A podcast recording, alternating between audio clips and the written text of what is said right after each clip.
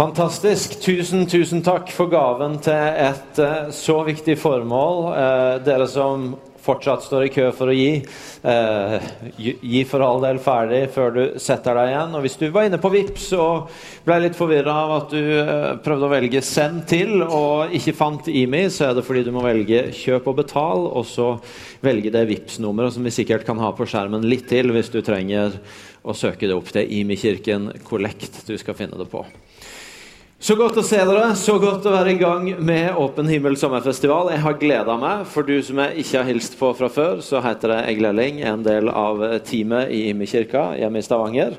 Og har gleda meg til å være på sommerfestival igjen. Eh, dette er femte året, som de sa. Fem år som har betydd mye for meg og for min familie å få være på festival, og vi har gleda oss. I år så har vi tatt et sånt for oss et steg i tro. Og det er at vi har flytta fra huset og opp i campen. Jeg har gått og Ja! ハハハハ。Jeg har gått og lyska et par år og tenkt at det ser litt skummelt ut, men det ser veldig gøy ut òg. Eh, så i år så tok vi mot oss og leide ei campingvogn. Og noe av det som jeg jo har kvidd meg for, det er den der montering av campingvogn med publikum. Eh, så eh, søndag klokken tolv, når Åpen himmel-campen åpna, så møtte jeg opp. Da sto jeg der sammen med den vogna jeg hadde bestilt og få levert. Det var kun Kåre Bødalen med tremetersstokken sin og en familie til som var ankommet. Og kom en veldig hyggelig, velvillig utleier fra Froland og leste ganske fort eh, landskapet hos uh, leietager. Og var veldig behjelpelig med å få denne vogna opp. Og tror jeg egentlig tenkte at han hadde satt oss opp for skikkelig suksess. Han bare overlot til oss å plugge teltet etter, forteltet etter at det var blåst opp. Og så ble det jo virkelig åpen himmel. og jeg har bare, Dere kan bare få smake litt av åssen det, det, så ut, eh, hvis vi har videoen her.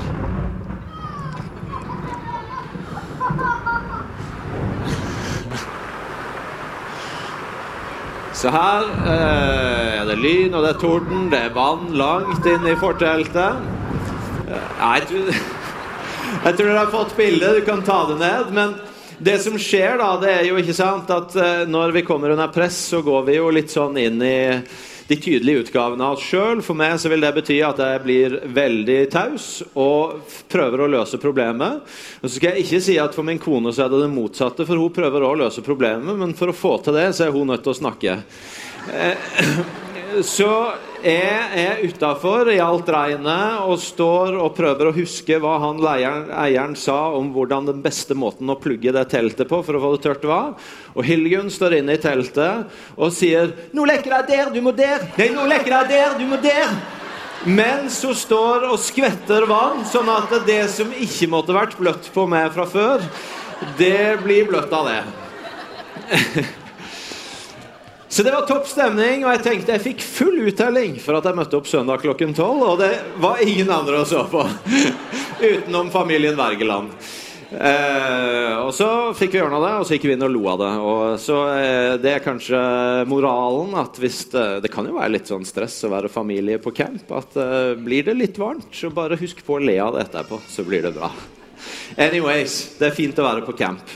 Denne sommeren har jeg primært hatt ferie, men jeg har um, jeg har også fått brukt litt tid på å reise rundt og snakke på noen andre festivaler og sommerstevner om, uh, ut fra en bok som vi ga ut uh, tidligere i vår, i slutten av mai, som heter 'Godhetseffekten små ting gjort i kjærlighet forandrer verden'.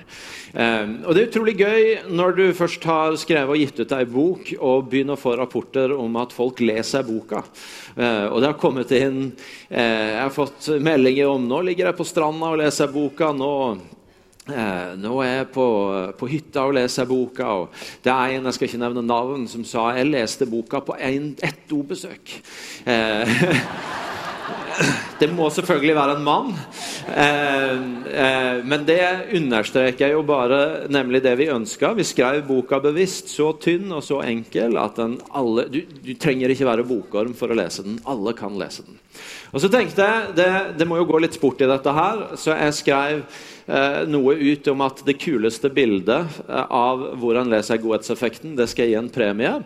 Og eh, Ingen har overgått han som ga meg det bildet i utgangspunktet, som ga meg ideen, Torbjørn Simones, som inntar godhetseffekten i boblebadet. Så Torbjørn, du skal få premien din, som jeg har lovt. Det er fire fylte kremboller fra Bergshaven bakeri her i Grimstad. Som er de beste bollene som fins, og en grunn til å flytte til Grimstad aleine. Og hvis du skulle komme i tvil om godhetseffekten noen gang, så skal du også få 'Er Gud virkelig god?' av Bill Johnson. Så Torbjørn, kom an!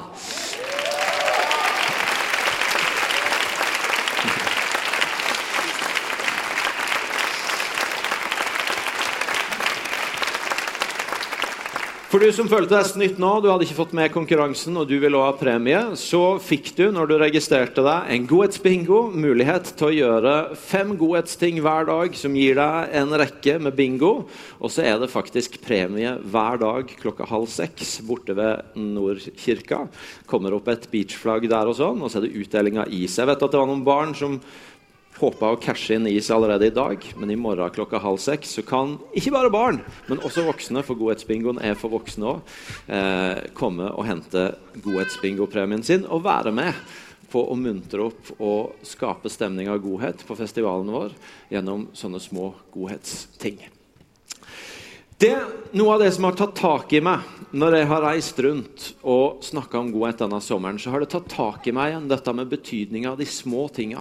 Undertittelen til godhetseffekten er 'Små ting gjort i kjærlighet forandrer verden'.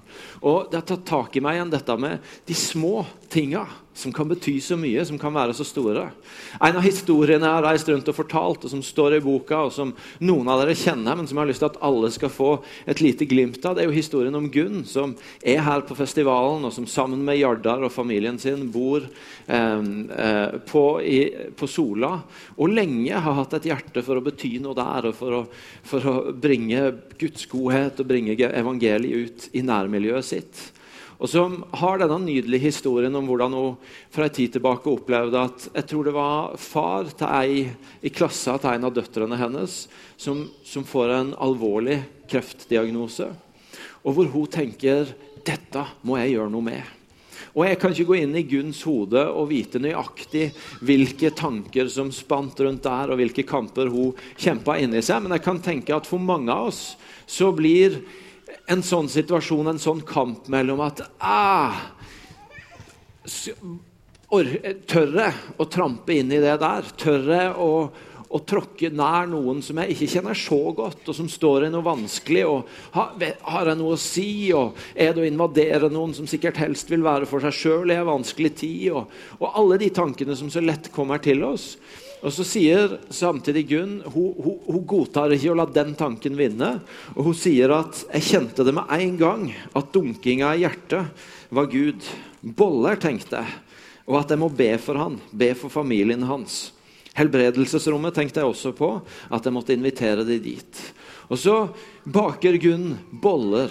Hun baker noen gode nybakte boller. Jeg, jeg, jeg, har, ikke, jeg har, aldri smakt bollene Gunn baker, men jeg antar at de er gode.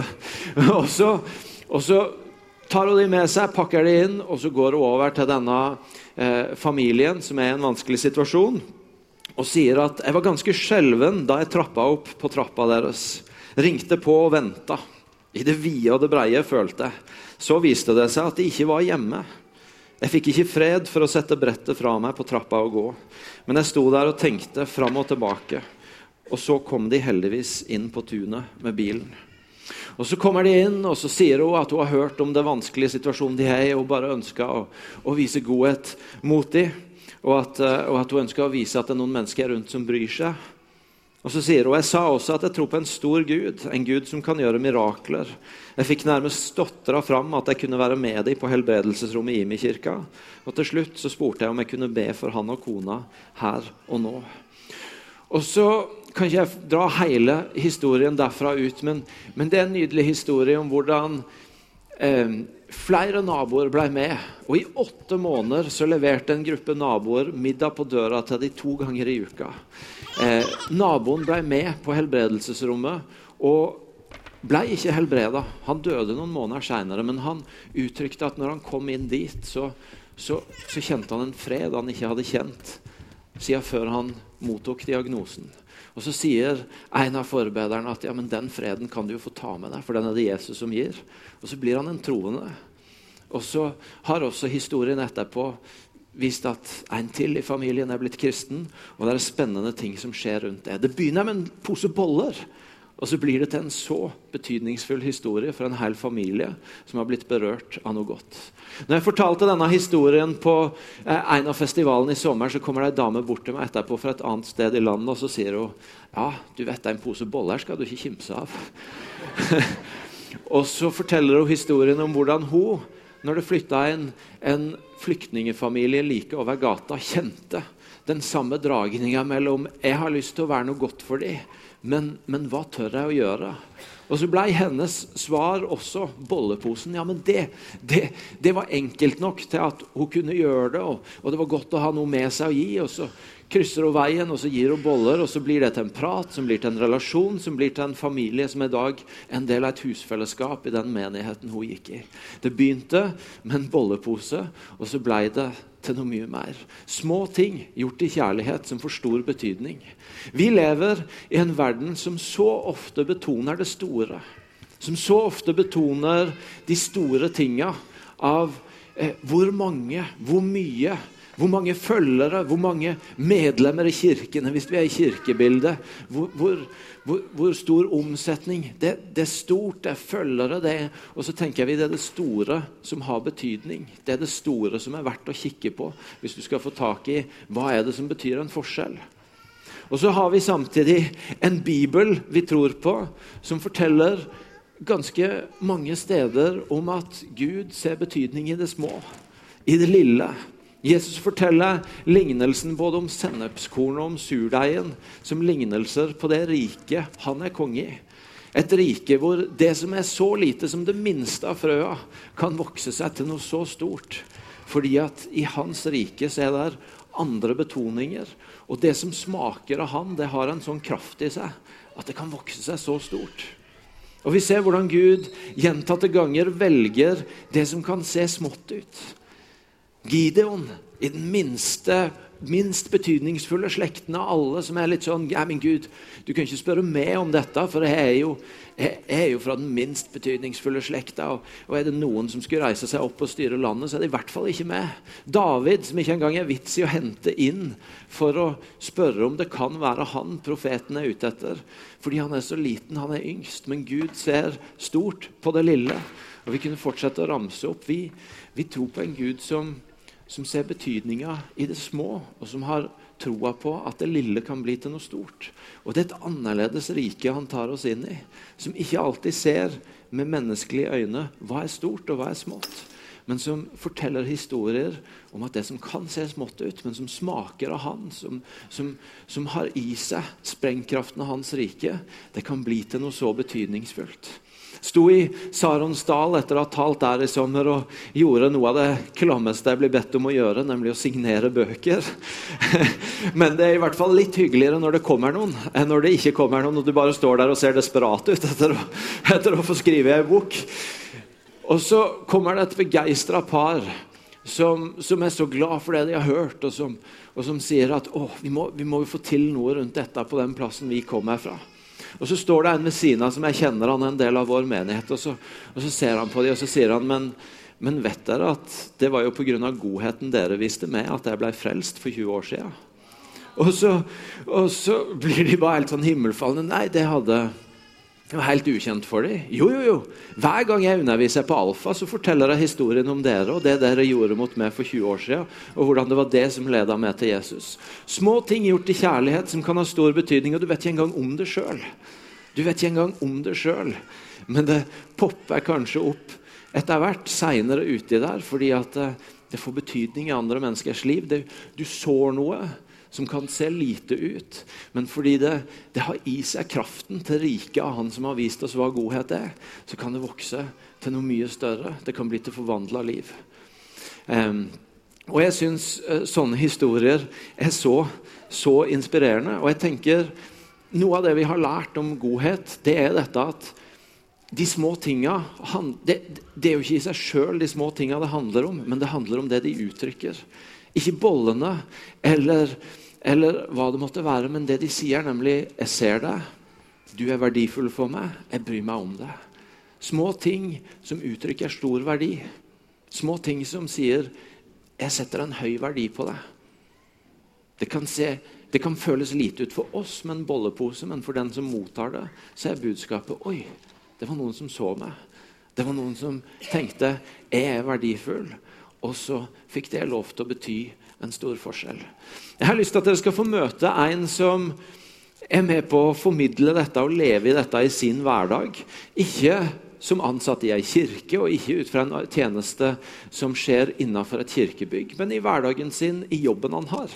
Han heter Morten Fevang og bor på Vigerstad, og dere må gi han en applaus på vei opp.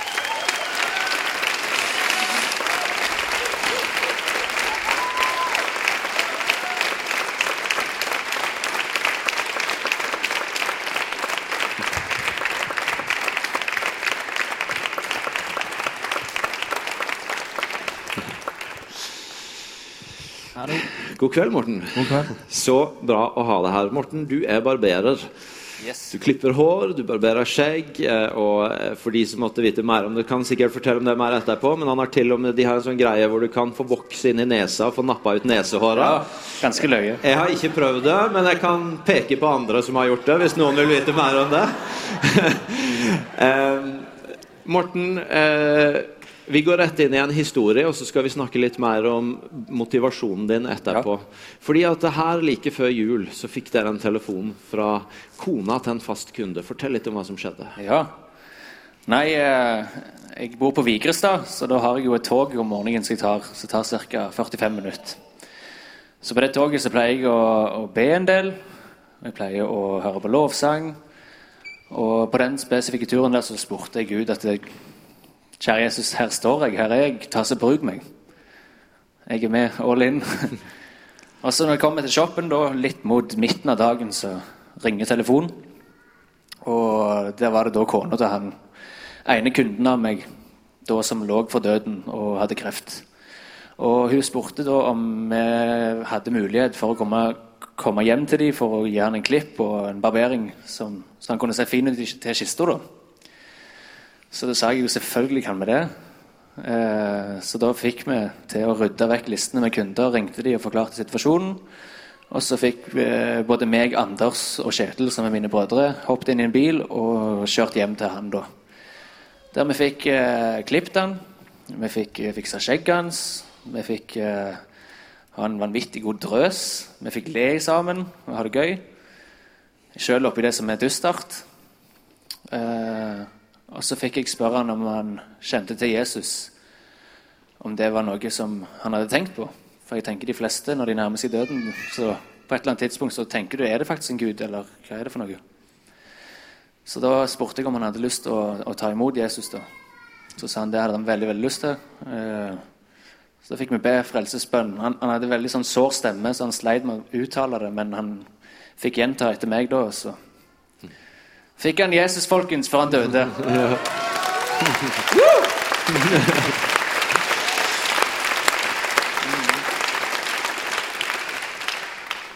I utgangspunktet små ting. En klipp og en barbering. Og så blir det inngangen til noe veldig stort. Ja. Um, dette har du mange historier på, Morten. Kanskje rekker vi en eller to til. Men um, jeg hadde lyst til, og jeg vet det var viktig for du å også snakke litt om hva, hva er motivasjonen bak at du ikke bare barberer og klipper, men du tenker større om det du står, holder på med? Ja. Jeg må samle meg mest litt. Det der eh, Det betyr ganske mye, det der. Fordi hele livet så har jeg på en måte gått litt rundt og erkjent meg som kristen. Og på en måte ikke helt følt at jeg har catcha det, da. Og så i det siste så har meg og en gjeng i huskirka hatt veldig mye fokus på det med vår identitet i Jesus. Hvem sier Jesus at jeg er? Hvem sier han at vi er? Så det er bare å lese hva som står i Nytestamentet, og lese Jesus sitt levd liv. Og så er det det vi er kalt å leve i dag. Tenk det. Vi skal få lov å gå ut og gjøre større under og tegn enn det Jesus har gjort. Hæ? Det er ganske sykt. Men da, da folkens, da er det viktig, tenker jeg, da, at eh, vi må begynne å gå. Vi kan ikke bare høre det som står i, i Bibelen. Vi må jo faktisk leve det ut. Og Når du begynner å lese i Bibelen om at for eksempel, så er det ikke lenger jeg som lever for meg, men Jesus som lever i meg, står det. Det er ganske rått. Ok, Så hvis jeg går da, så legger jeg hånda på Egil Elling og så sier jeg 'bli frisk i Jesu navn', da er det akkurat som Jesus legger hånda på han. sant? Fordi den hellige ånd, samme hellige ånd som reiste Jesus opp fra de døde, han bor i oss. Sant? Det er kraft i det der. Og Hvis du begynner å proklamere det og si det til deg sjøl, og la Bibelen fortelle deg hvem, hvem du er kalt til å være Vi er kalt til å være hans sønner, står det faktisk. Vi er kalt til å være hans ambassadører her på jord. Og hvis jeg er en ambassadør, så gjelder jo, og jeg er ambassadør for himmelriket, så gjelder jo de reglene og lovene som er i himmelen, ikke det som er på jorda. Så i himmelen så er det ikke sykdom. Og jeg er kalt til å representere Jesus. Vi er kalt til å representere Jesus. Han har gitt oss stafettpinnen videre. Vi må bare gå. Og det har vi fått gjøre veldig mye av i det siste i shoppen, og det er helt rått. det er fantastisk. For det, det er jo litt spesielt når folk ringer til en barbershop og sier jeg, jeg, jeg mener jeg har hørt at dere ber for syke. Kan, Hva var det som skjedde egentlig? Nei, det var en, en uh, Vi har en fantastisk bergenser som jobber hos oss. Som jeg og han, han får jo li av alt det jeg holder på å snakke om. Da, fordi han, han er ikke kristen, han står på sida meg. da. Så han, uh, han får jo høre alt det som jeg snakker om med kunden min. da. Så han hadde en kunde som hadde uh, kreft i hodet. Og så hadde de snakket om dette her og spurt Han hadde spurt han kunden om liksom om det hadde blitt bedt for. Og om, om ikke Morten kunne ta og be for han, liksom. Så sier jeg, jeg hører jeg jo på sida der, ja, selvfølgelig kan jeg det. Vi tar det på baksida etterpå, liksom. Så fikk jeg be for han. Og så fikk vi høre noen dager etterpå at han hadde øyeblikkelig følt seg mye bedre. Og så hadde han gått og sjekket hos legen, og sånn, og da hadde det stoppet opp. Da sto det bom stilt. Denne mannen her hadde da gått videre og, og fortalt dette her til venner og, og kjente som førte til ei dame som tok kontakt med meg på, på, Facebook og spurte om jeg kunne be for hun, for hun hadde kreft. Ei relativt ung dame og hun var ganske redd for å dø. og Forståelig nok, det. Så da fikk meg og en kamerat fra huskirka, sette Johan, reise hjem til, til denne dama. Og fikk lede henne til Jesus. Og vi fikk eh, be for denne kreften. Befale vekk kreften brukt autoriteten som vi har fått, til å si og befale vekk. To uker etterpå så tar hun kontakt, og det var all kreft vekke. det er rått. Det er rått.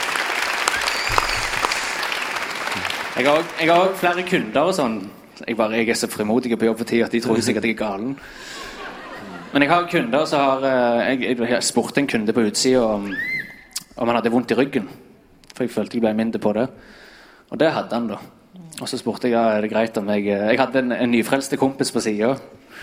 Så spurte jeg er det greit om jeg og han legger hånda på deg liksom for å be. Så sa jeg bare han der ned.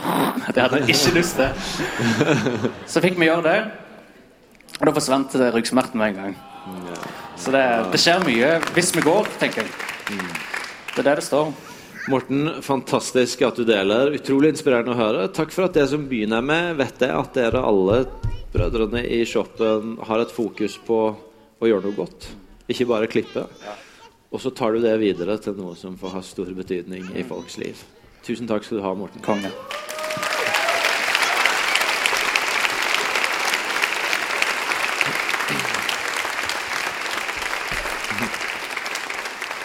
Små ting, stor betydning. Små ting, stor verdi på menneskers liv. Så her har jeg lyst til å touche én ting til, og jeg har lyst til å bare gå inn i det med å gi dere et sitat fra en katolsk prest som heter Ronald Rollheiser, og som skriver noe i ei bok om åndelig forming, eh, hvis vi får det opp på skjermen. We cannot force others to bless us, but we can bless others, and that is our freedom. If we bless others, it will not be long afterward that our hearts will feel an exuberance that will, all on its own, say, God, it feels good to be alive. When we act like God, we get to feel like God, and God is never depressed. Fritt oversatt vi kan ikke tvinge andre til å velsigne oss, men vi kan velsigne andre, og det er friheten vår. Når vi velsigner andre, så vil det ikke ta lang tid før vi kjenner denne gleden inni oss av å Å, Gud, det er godt å være levende. Når vi handler som Gud, så får vi lov til å føle oss som Gud, og Gud er aldri deprimert. Han snakker noe om en frihet som vi har i de små tinga. Velge de små tinga som velsigner andre.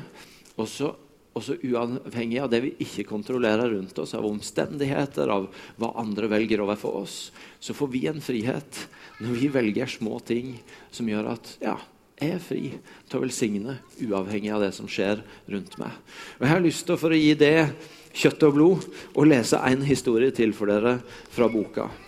For litt siden fikk vi i Godhet Norge tilbakemelding fra ei kvinne som fortalte om hvordan godhet hadde forandra hennes juletid.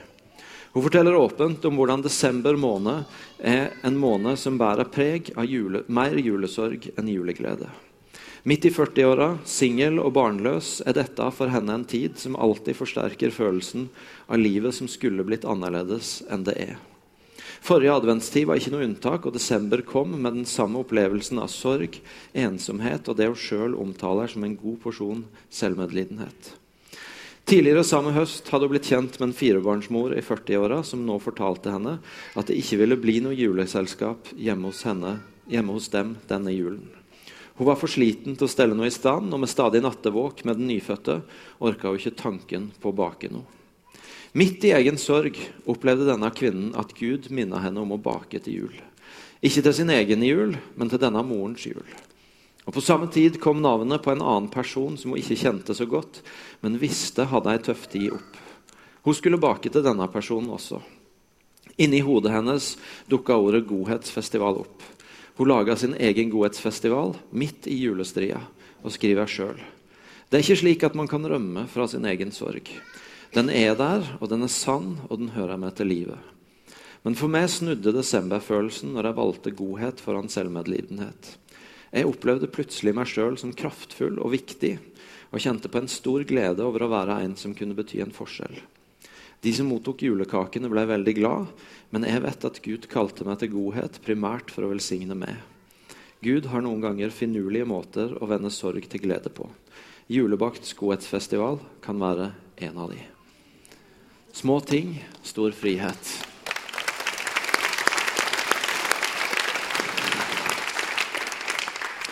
Små ting, stor betydning, små ting, stor verdi, små ting, stor frihet. Og det siste jeg har lyst til å touche på i kveld, det er små ting, stor visjon. Jeg tenker at i denne troen, dette enkle, troen på at små ting gjort i kjærlighet kan forandre, kan uttrykke verdi, kan gi frihet, så ligger noe som vårt samfunn akkurat nå trenger. Og som ikke bare handler om de små ting, men som handler om dette kan bety en stor forskjell i samfunnet vårt. Vi lever i et land som, om, hvor ensomhet omtales som vår tids folkesykdom. Hvor minst en fjerdedel av befolkninga sjøl sier at de opplever seg delvis eller fullstendig som ensomme. Og hvor, hvor, den ensomhetsfølelsen har mye flere effekter enn bare at det er kjipt å føle seg ensom, men hvor det har konsekvenser for psykisk helse, for fysisk helse, og for egentlig også hvordan, hvordan ting henger sammen i nabolag, i bydeler, i byer. Vi lever i en tid hvor det sies, og hvor vi erfarer at polarisering er en større og større greie. Hvor det blir mer og mer vanlig å stå på hver sin tue på hver sitt sted og primært høre på de stemmene som bekrefter det du allerede tenker og tror, og så heller snakke til enn snakke med de som står på ei annen tue. Og så har du dette her lille, kraftfulle redskapet av å velge å lene seg inn mot noen andre. Av å velge å si at jeg, jeg ønsker å være en som kommer nær. Jeg, å, jeg, ønsker å være en som krysser tunet med en pose boller. Eller en som velger å kansellere kundene mine og kjøre hjem til en som er i en livskrise. Eller jeg er en som velger på den måten det er naturlig å lene meg mot. Og så tror jeg faktisk at det ikke bare en sånn liten ting som kan bety en forskjell i et enkeltliv. Men jeg tror det er en liten ting som har en stor visjon av seg av å bety en forskjell i samfunnet vårt. Av å være med på å bety en forvandling og en stor forskjell i et samfunn som er mer prega av isolasjon enn før, og som er mer prega av å stå på hver sin side, og i stedet for å snakke med hverandre og komme mot hverandre, og tenke om hverandre og snakke om hverandre. Små ting, stor visjon. Vi bærer noe. Gud har gitt oss noe som kan være med på å forvandle samfunn. Og jeg spurte, bare for å si det, jeg spurte, Vi hadde besøk i IMI her i vår av utviklingsministeren Dag Inge Ulstein. og da, da, da, sa jeg dette her til han, og så spurte jeg du, du driver jo med de store greiene, de store spørsmåla. Syns du det er litt naivt? Og så sier han nei. Det er akkurat sånne ting vi trenger. For politikken kan løse noen ting, men politikken kan aldri skape varme hjerter som bryr seg om andre mennesker. Små ting stor visjon. Og så har jeg lyst til å, Bare for å illustrere det, så har jeg lyst til at dere skal få møte en annen god venn som for noen år siden tok med seg en gjeng og flytta ned hit til Sørlandet, til Arendal. Han heter Johannes, og dere må gi han òg en applaus mens han løper fram her.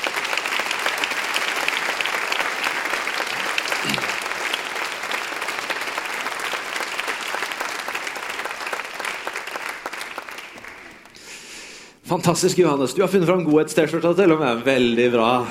Johannes, du er en del av IMI Arendal. og eh, For to år siden så dro dere i gang IMI Godhet. Det var du som på en måte var den som satte bevegelsen i gang. Fortell hva som skjedde. Ja, Det begynte egentlig med et, eh, det var et tverrkirkelig bønnemøte i byen. Eh, jeg var ikke på det, men der var det da flere som kjente seg veldig minna på å gjøre noe spesielt for én bydel da, i Arendal. Eh, de kjente så sterkt på der at de klarte å samle sammen omtrent alt av menighetsledere i Arendal da, etterpå. Eh, og jeg var også til stede der. Og de liksom Vi kjenner at Gud har lagt noe på hjertet vårt for dette området. Eh, for så vidt for hele byen, men spesielt for det området. Hva kan vi gjøre for noe? Og så ble det lufta en del ideer. Og så prøvde jeg da å selge inn ideen om Godhetsfestivalen. Um, ikke tilfeldig valgt. Jeg hadde virkelig troa på at det kunne bety veldig mye. Og det som da skjedde, var at det var omtrent sånn umiddelbar positiv respons da, fra alle de andre menighetslederne på det her. Uh, og så i fjor da så hadde vi vår første Godhetsfestival, og så har vi hatt vår andre i år.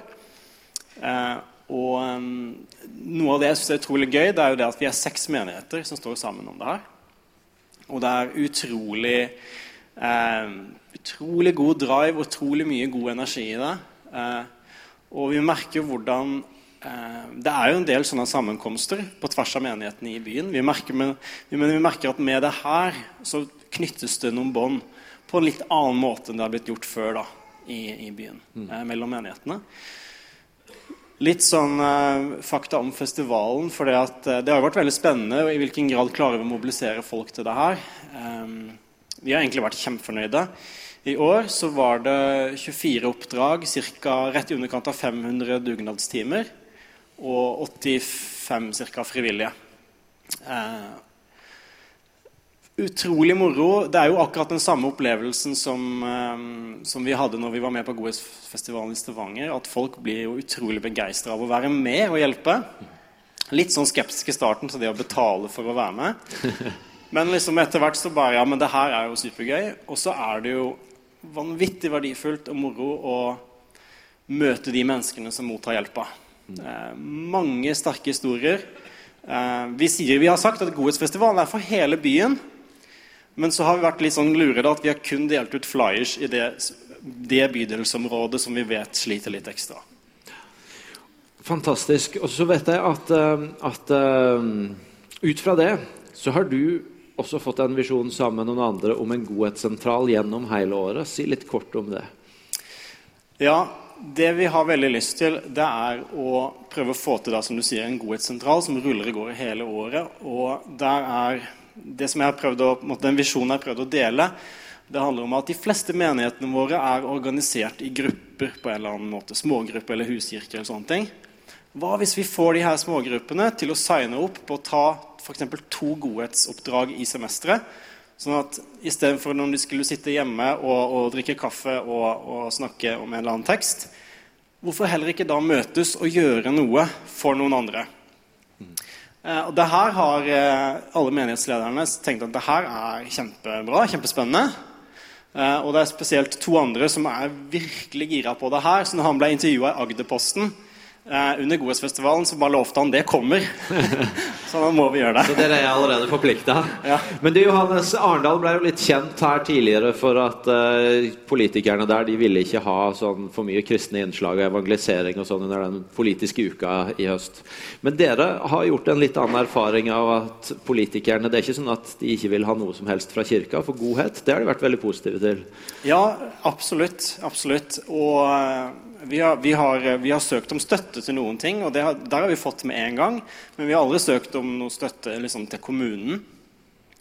Eh, og så var det en, en, en jeg kjenner da, i bystyret, som ringte meg. Du, jeg må bare høre, det, Blir det Godhetsfestival neste år? Jeg sa ja, det gjør det. Ja, men da skal vi foreslå at kommunen, kommunestyret innvilger 50 000 til dere. Så sa ja, må, du, må gjerne, du må gjerne prøve på det. Og så fikk jeg jo beskjed litt, eh, litt seinere at det ble omtrent enstemmig vedtatt. da. Ja, veldig bra. Helt, helt til slutt, Johannes. Hvor mange er dere i med i Arendal? Eh, Vi hadde vel rekord på en gudstjeneste nå før, eh, før sommeren, og da var vi sånn rundt 45. Kjempebra. Men dere har ikke sant, dere har vært ei stund, og, og dere har på en måte bygd sakte, men sikkert. Og nå er dere 45, og det er jo fantastisk. Og så kunne en jo tenke likevel at 45 fordi hvis du teller opp hvor mange av de 45 som er barn, så er det sikkert nesten halvparten. Ja, det stemmer. Så kunne en jo tenke at det å ta på seg Godhet Arendal det er liksom et litt voldsomt prosjekt. Men dere har jo opplevd at selv om dere ikke er så mange ennå, så kan dere få være med å bringe noe veldig betydningsfullt til Arendal. ikke sant? Ja, Absolutt. og Det er fantastisk. Tusen takk for det du deler.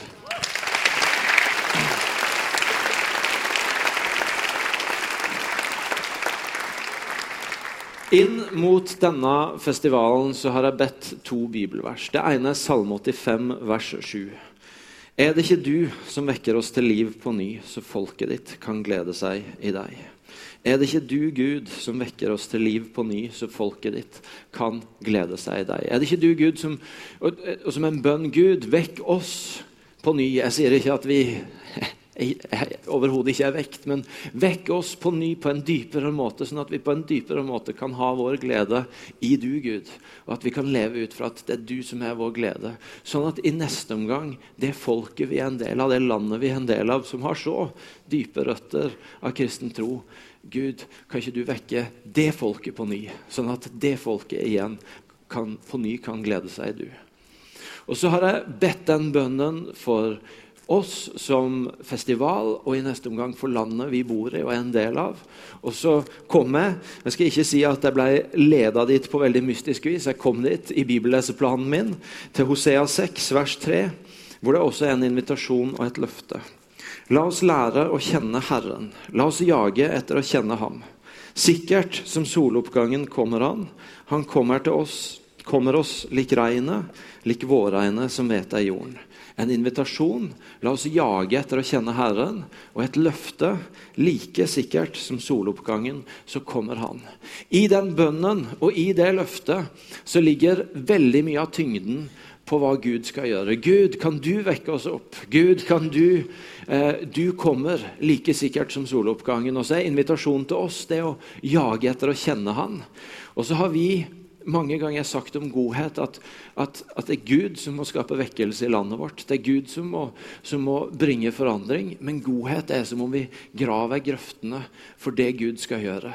Ved å, ved å gjøre disse små tingene som betyr en så stor forskjell i menneskers liv, så, så, så river vi ned murer. Vi åpner opp for nye spørsmål. Vi åpner opp for en ny mottagelighet. For at å ja, Gud er ikke bare streng eller innafor et hus eller, eller moral, eller et eller annet sånt, men han er god. Han har noe godt med seg. Og så graver en grøftene for det Gud skal få lov til å gjøre av å vekke opp et folk, av å komme like sikkert som soloppgangen.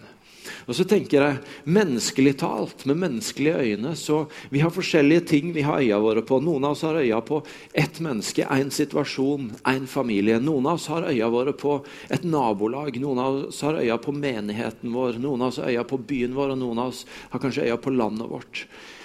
Men så kan vi se på det med menneskelige øyne av alle de såkalt store tinga som vi tenker er motkrefter som gjør at ting ikke er mulig. Men så kan vi også få se det med et Guds rikes øyne. Hvor noe av det denne fortellinga om små ting gjort i kjærlighet forteller, er at det riket vi tilhører Når vi, når vi lever i de, de tinga som følger det riket, så har det en sånn sprengkraft i seg. At vi kan få se ting, vi kan få se situasjoner, folk, mennesker, by, byer og et land med helt andre øyne, med et helt annet håp. Fordi at i det rikets verdier så ligger det en sprengkraft hvor det, det, som er lite, det kan bli til noe som er veldig stort. Alt er mulig i landet vårt. Og jeg tror små ting gjort i kjærlighet skal få lov til å være med på å forandre det. Skal vi reise oss opp og be sammen? Kjære, gode far, jeg takker deg for at du er god. Og jeg takker deg for at ditt rike er et annerledes rike, hvor det som er som, som, er livet innenfor det riket. Det har en sprengkraft i seg som kan trenge gjennom alt denne verden menneskelig talt gir både større vekt og tyngde og verdi. Jeg takker deg for at du har gitt godhet i hendene våre som en gave til å representere du i hverdagen vår, i byen vår, i menigheten vår, i landet vårt. Og Du ser at vi kommer hit fra så mange forskjellige settinger og situasjoner. Noen fra små steder, noen fra store steder, noen fra mindre fellesskap, noen fra større fellesskap. Og så, og så er det en fortelling om at det handler ikke om utgangspunktet vi menneskelig talt ser. Av hvor mange vi er, av hvor mye ressurser vi er, av hvilke motkrefter vi måtte føle på. Men det handler om å tro på at de små tinga som hører ditt rike til, kan bringe forvandling. De små tinga som hører ditt rike til, kan bringe forvandling. Og det ber vi om. At vi skal få tro, og at vi skal få ta inn denne uka.